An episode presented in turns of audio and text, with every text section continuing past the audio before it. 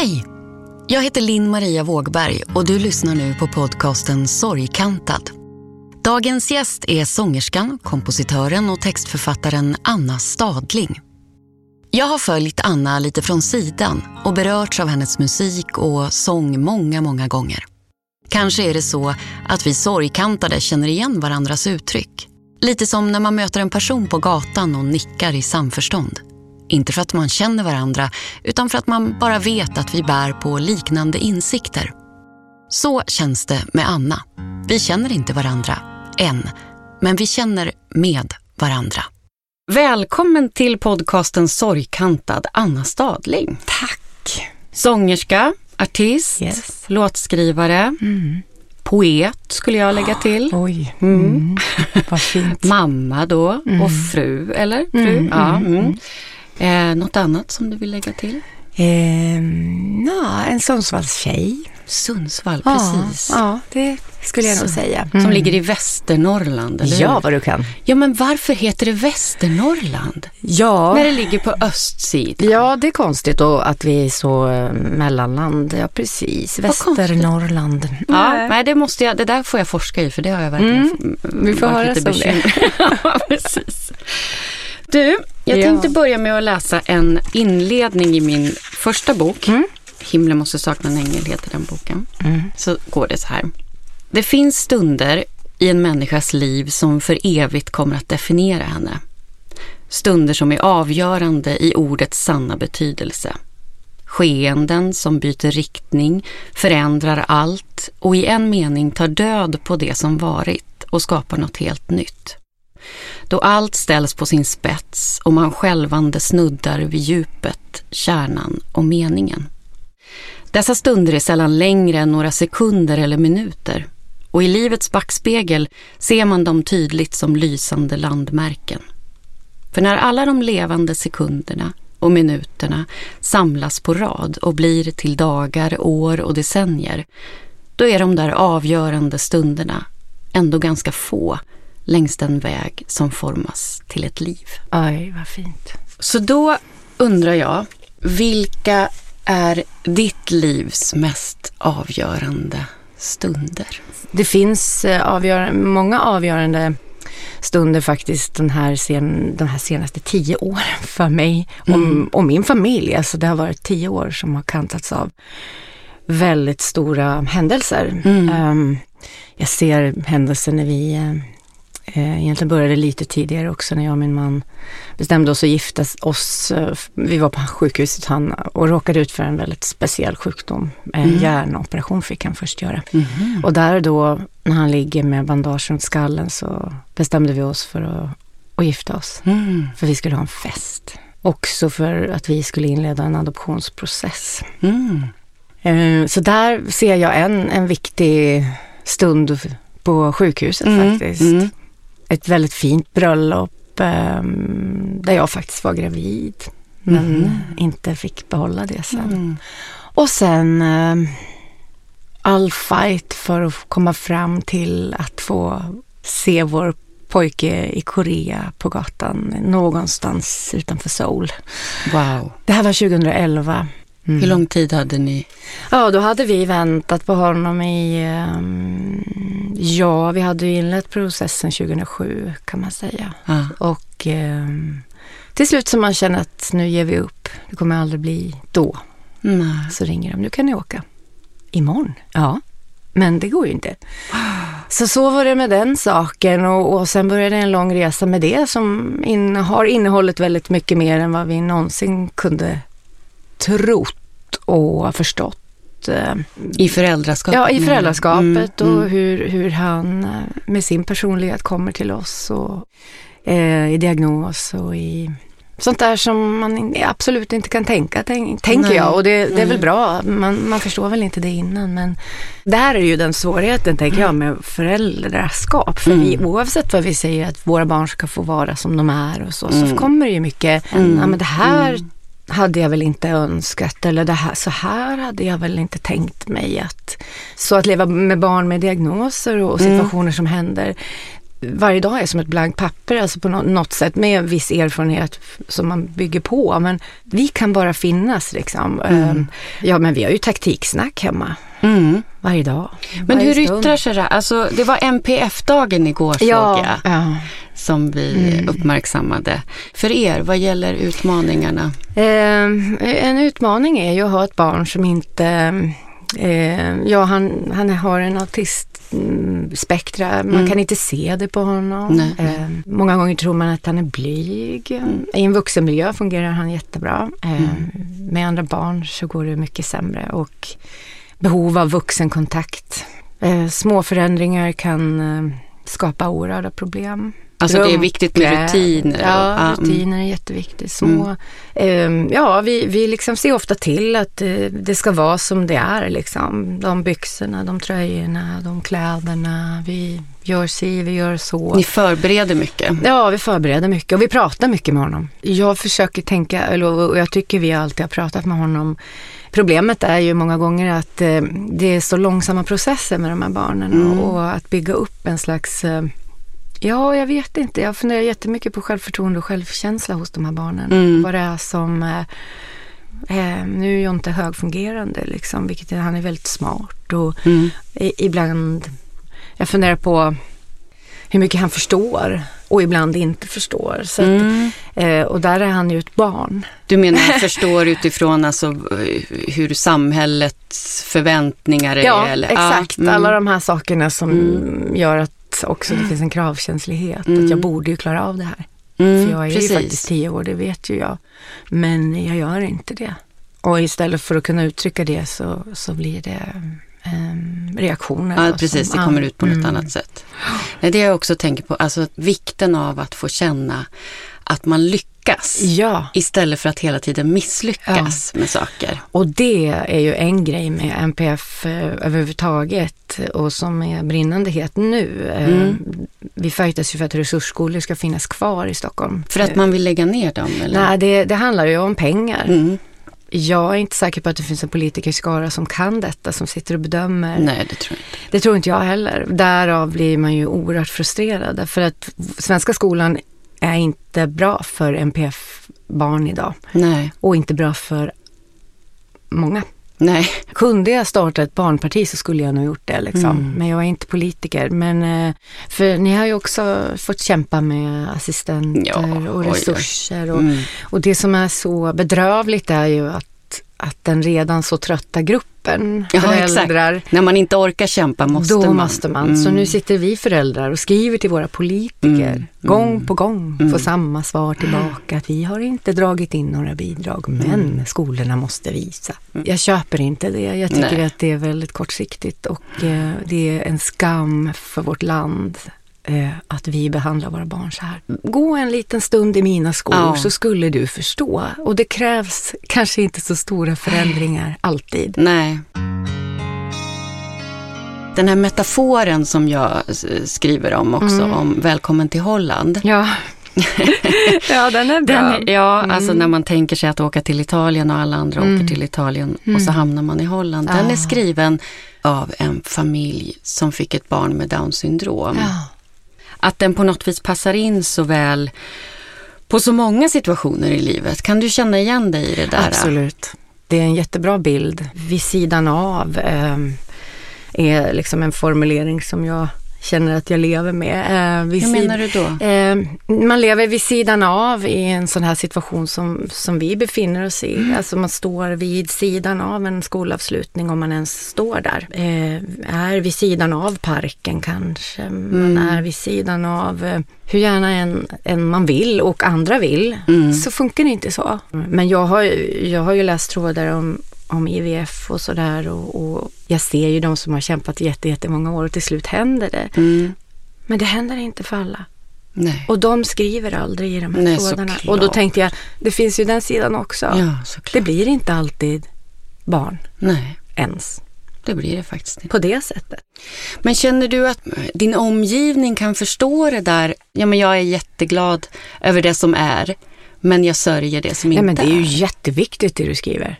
För jag tycker att det, eh, jag, jag har mött ganska mycket oförstånd ja. i det där faktiskt. när du skriver om det så, så tänker jag, jag, jag kan känna igen det. Um, bara senast när jag gick hit nu så där, och jag tänkte på pappa som snart var borta i tre år och sådär. Um, på tal om det här med att sorgen, man, man liksom, den följer ju med. Jag längtar efter honom och sörjer honom jättemycket. Mm. Alltså så jag kan börja gråta Mm. när jag går förbi där. Ja, ja. Jag kan inte springa ifrån det. Liksom, vi, vi är rädda för det där tror jag. Mm. Vi vill att det ska passera och att vi sen kan komma ut i någon slags eh, lycka och Mm. eh, lugn Eller gå och över. ro. Ja, Mm. det ska gå Mm. över. Där poppar ju min cancerresa resa upp också, Precis. jag och min man. Och, och det är ju så att vi blir ju förändrade av det vi möts av. Mm. Och egentligen säger jag förhoppningsvis.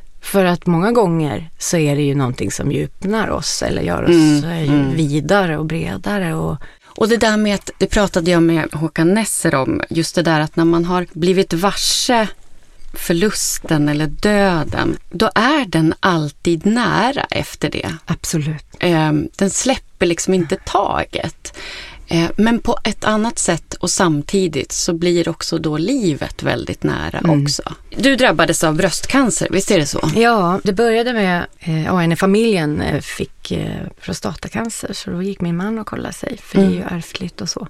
Han gick på våren 2015 och, och på våren 2015 så var vi så himla taggade för vi skulle göra om hemma och blåsa ut vår lägenhet och jag skulle börja jobba med Andreas Mattsson och göra en ny skiva och vi skulle ses efter sommaren. Och, och sen ganska snart då i september så efter liksom vi hade börjat röja så får han min man besked om att han har prostatacancer.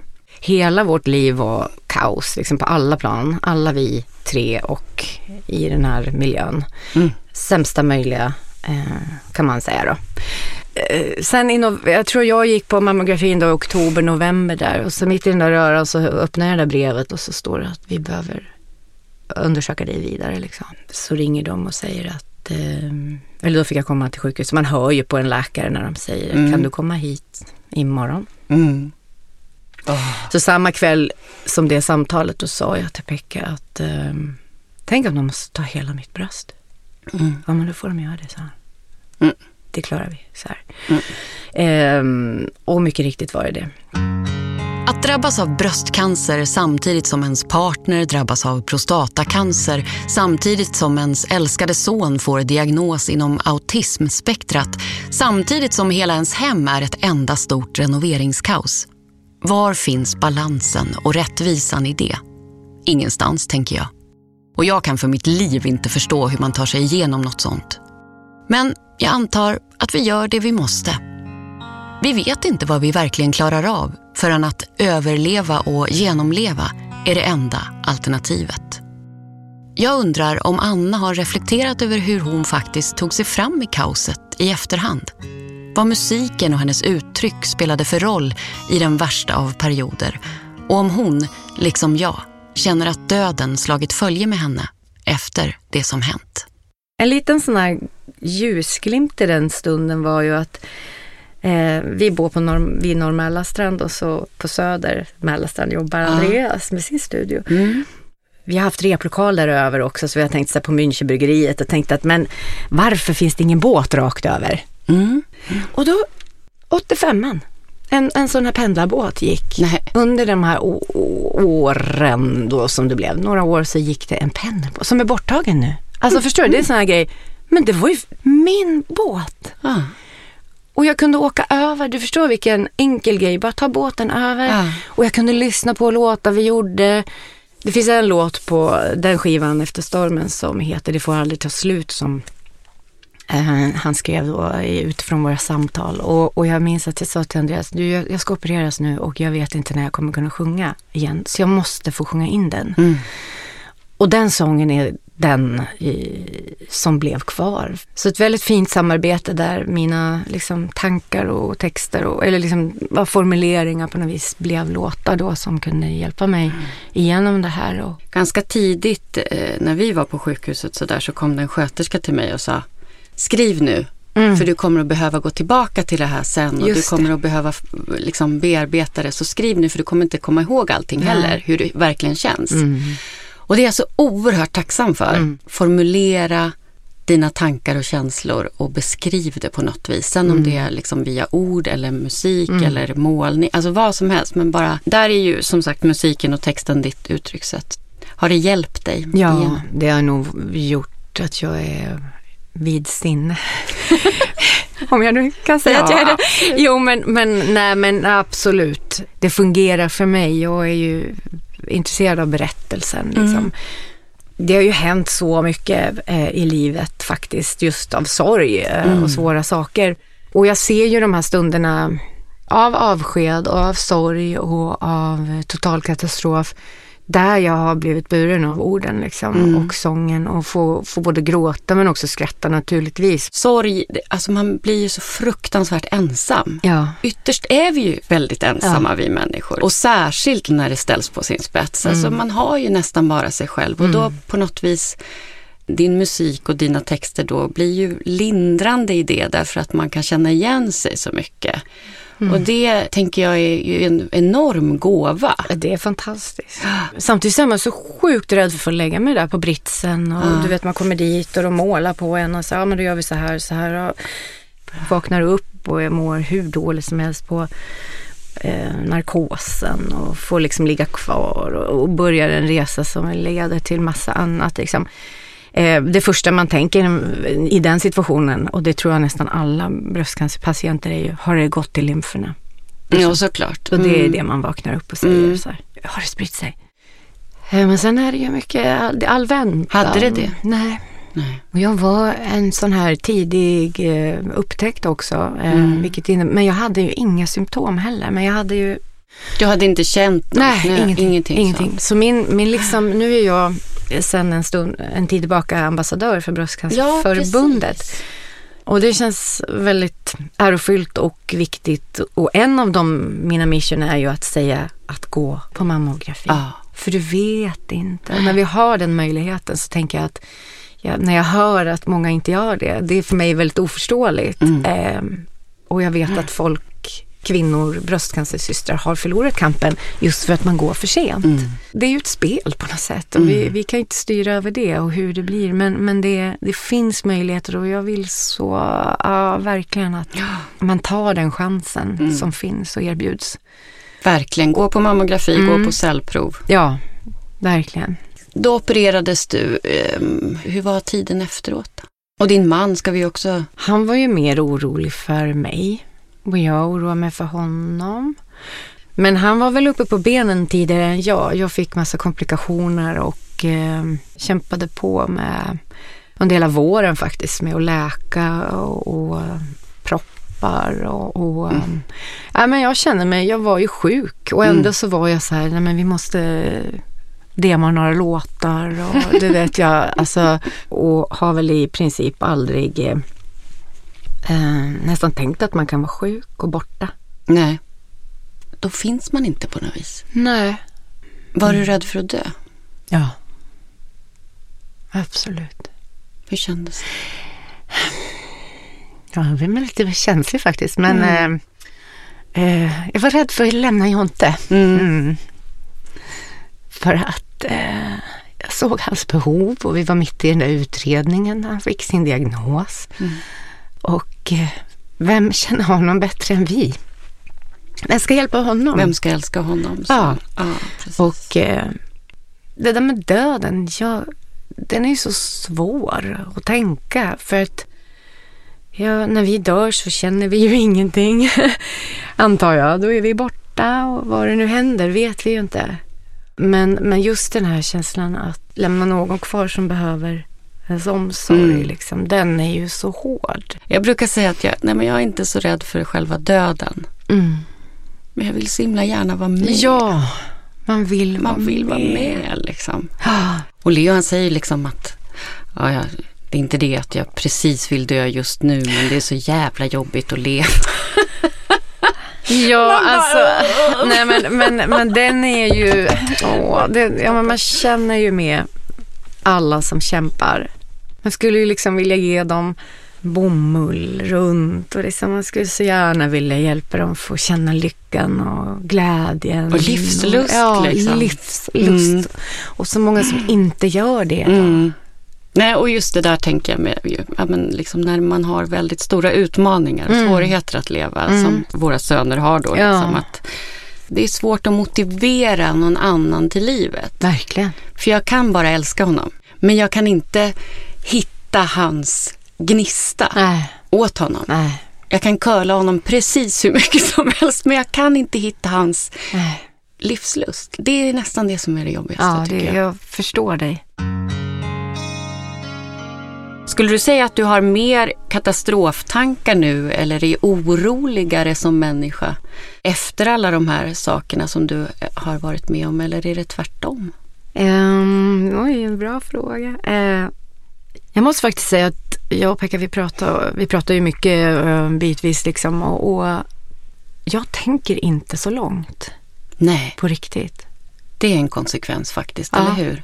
Nej, jag tänker inte, jag ser inte pension och vi ska göra det. Alltså så här, jag tänker inte så långt. Kunde du känna nu när det här med pandemin kom, jag kunde känna att jag övat så mycket i det just. Ja, just det. Att jag märkte att vi i viss, mån hade lite lättare att gå in i det här modet att nej men jag vet ingenting om imorgon i alla Ja, fall. ja, men det, alltså att leva i en icke-kontroll. Ja, Ja, att man är lite mer van med det på något Absolut. vis. Och, och liksom, det som händer i mig, det, det är lite så här stridsrustningen kommer på mig. Alltså, Mm. ibland också, nu känner jag med skolsituation och sånt där man inte Mm. vet vad som blir.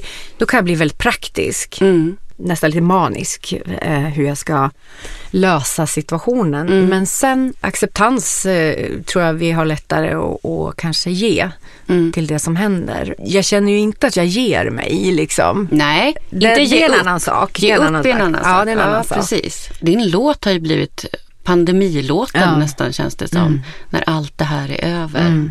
Ja, Andreas Mattsson och, och den, har skrivit den Mm. utifrån vårat, eh, det här projektet som Mm. blev då. Och, så den låten är ju från den här tiden, som Mm. cancertiden Mm. när jag åkte Mm. över med båten. Mm. Ja, och också det här som vi hela tiden, för på något vis så är det ju alltid så, vi människor, vi orkar bara vi vet när det tar slut. Ja. Man orkar bara till målet på något vis. Och det är ju den största utmaningen, att inte veta Ah. när är det över. Ja. Men när man då säger, men när det är över, Mm. då finns det ju ett när i alla fall. Och sen var på tidslinjen, det, det är en annan sak. Och det är det som gör att man suger Ja. åt sig just av det där. Att, för vi har sånt himla behov av att se att det kommer en annan tid på något vis. ja, och det måste vi ju tro. Så, Ja, men och det är det enda vi kan vara säkra på. Ja. Att ingenting är för evigt, Nej. inte ens coronaviruset. Nej, så är det. Och jag vet att jag stod eh, när jag var nyopererad och, och eh, man gick in på toaletten och, och grät och Mm. tittade på sin sargade kropp och förändrade Mm. kropp och vad fult det har blivit och, och herregud, ska, jag- hur ska det här liksom och vad ont det gör och man Och det där är också en sorg. Jättestor Ja, det är en jättestor sorg. sorg. Och titta på sig själv, du vet, Mm. så här, spänner i blicken och Och inte känna igen sig. alla de här goda idéerna om att vi ska mata oss själva med goda tankar. Men då tittar jag bara så här, det här är skit nu. Ja, Men det kommer bli bra. ja Så precis. tittade jag och så, det kommer bli bra. Så att jag, jag, jag sa det. Det var ju knappt så jag trodde på det själv. Blott en dagen, ett ögonblick Ah, i sänder, det är min favorit. favorit. Ja, men den är jättefin. Oj. Ja men det är verkligen, det, det Ja, är så. Så är det verkligen. Jag tänker att vi ska bli lite mer som Muminmamman. Mm. Vad som helst kan hända när som helst. Mm. Alltså är jag lugn. Någon kärna i mig är lugn inför det faktum att jag inte, jag kommer inte kunna greja allt. Nej. Jag kommer inte kunna skydda alla. Nej. Jag är nog där och försöker lära mig det nu Mm. i förhållande till vår hemmasituation och sådär. Mm. Och tränas ganska rejält. Jag känner att jag tränas lite snabbare med tanke på allt som har hänt mig. Mm. Jag märker att jag fortare kommer in i acceptans liksom. Eh, I de första värsta stunderna så sitter vi på golvet och gråter och funderar på hur det ska, här, ska det alltid vara så här? Mm. Men det är inte så. Det är som du säger, det är inte alltid så här. Och sen att lära sig att det du är inne på, liksom att eh, jag kan bara finnas här. Mm. Jag tror att jag har lyckats väldigt mycket med mitt förnuft och min Mm. mentala insikt och så. Och så har det satt sig mycket mer i kroppen. Just det. Jag har jättesvårt att slappna av fysiskt. Där är jag inte lugn kan jag säga. Nej. Och sen har man ju väldigt nära till katastrofknappen. Ja, Den slås flipp. ju på på en sekund. Liksom. Ja, ja, ja. Stresshanteringen är ju Ja, men det är så sämre. här. Och så bara, "Eh, eh, jag kommer, var är du? Liksom. Alltså, det går på en millisekund. Absolut. Liksom. Ibland så, när det blir de allra värsta, då känner jag mig som Michael Douglas i den här Falling Down eller vad den heter, när han Ja, sitter och just det. kör. Ja, ja, ja. Jag flippar nu liksom. Ja. Men det är väl också för att man behöver liksom hålla sig stadig för att eh, jag måste vara det. Mm, Eh, och jag tror att många upplever det, mm. kanske inte pratar om det. Vad har du för eh, tips till människor som hamnar i kris? Ja, Vad hjälpte dig om man tänker i, i processen där efter cancerbeskedet och, och Ja. operationen och så? Vad hjälpte dig? Det var någonting du sa som just det här man inte vet hur man hanterar saker och ting eller hur man när jag tänker tillbaka på vår process så inser jag, jo att man gör sig själv lite ensam. Mm. Ehm, och det gjorde nog vi, alltså, och har väl kanske bitvis gjort också, att man agerar utifrån att det här förstår ändå ingen, du kan inte förstå det liksom, vad jag går igenom. Att Blev det som en kokong? Liksom? lite grann kanske va. Ehm, och det är inte så enkelt som man kanske kan tro utifrån. Och det kan man ju inte lasta någon annan för. Ibland när man blir drabbad så kanske man inte heller släpper in. Nej. Det, var, det är dit jag vill komma. Mm, Liksom. Att vi mm. kanske inte heller släppte in alla då som kanske erbjöd sig. Sen fanns det de som trotsade mycket liksom och hängde matkassen på dörren och man tassade iväg. Och, Mm. Eh, det kom blomma, det kom... Jag hade vänner som dök upp på frukost och dukade upp när man var som nyopererad Mm. och man, man liksom var som ett lik. Och, ja, men det minns jag. Det var liksom... Det är ett problem som jag ser det, att vi inte vill störa. Ja. Och jag förstår den, för jag vill inte heller alltid... Jag vet Nej. inte heller hur jag ska... Stör jag nu liksom? Mm. Men eh, man kanske måste störa med liksom i alla fall omtanken och, och visa här kommer blomman, här kommer Mm. det. Eller Mm. de där grejerna som inte innebär att den andra måste respondera liksom Nej, i precis. Ögonen har ju liksom öppnats på något sätt Mm. för andra ännu mer. Liksom. Så man, Mm. ser, man kan ju se, tycker jag, ibland hur det... Om, om man blir sedd liksom. Mm. Det vill jag träna mig vidare på. Vid skolavslutningen vet jag, vi har stått där och där framme står alla barnen och sjunger. Och, nej, det blev inte så. Ingen fotbollsmorsa. Mm. Och så ser man andra som står där lite i periferin. Mm. Någon dotter med panikångest. Mm.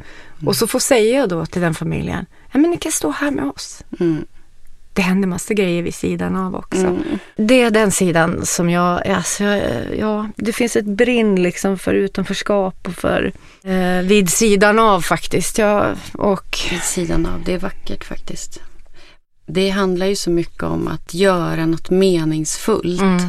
Av det som annars är så brutalt meningslöst. Vad gör man med sitt Holland liksom? Mm. Ja. Alltså lite så är det ju. Ja, kära du, när allt det här är över, Ja. då ska jag i alla fall ge dig en stor kram ja, när det är över. tack detsamma. eh, och säga tack snälla Anna för att eh, du ville komma och prata med, med mig idag. Tack för att jag fick Det komma. har betytt jättemycket. Detsamma. Och jag hoppas att eh, avsnittet hittar ut till många som Mm. kan känna lite tröst och lite hopp. Ja, jag skulle önska det. Det finns hopp. Och, det Och vi är inte ensamma. Nej, vi är många. Oj, många. Så vi kan också tillsammans liksom göra skillnad. Mm. Både för varandra men också för oss själva. Mm. Mm. Tack. Tack. Du har lyssnat på Sorgkantad med mig, Linn-Maria Wågberg och dagens gäst Anna Stadling.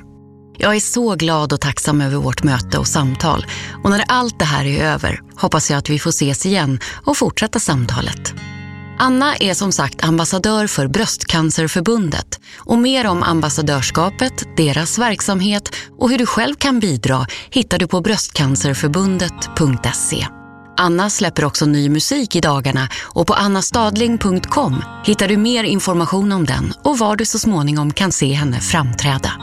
Tack för att du har lyssnat.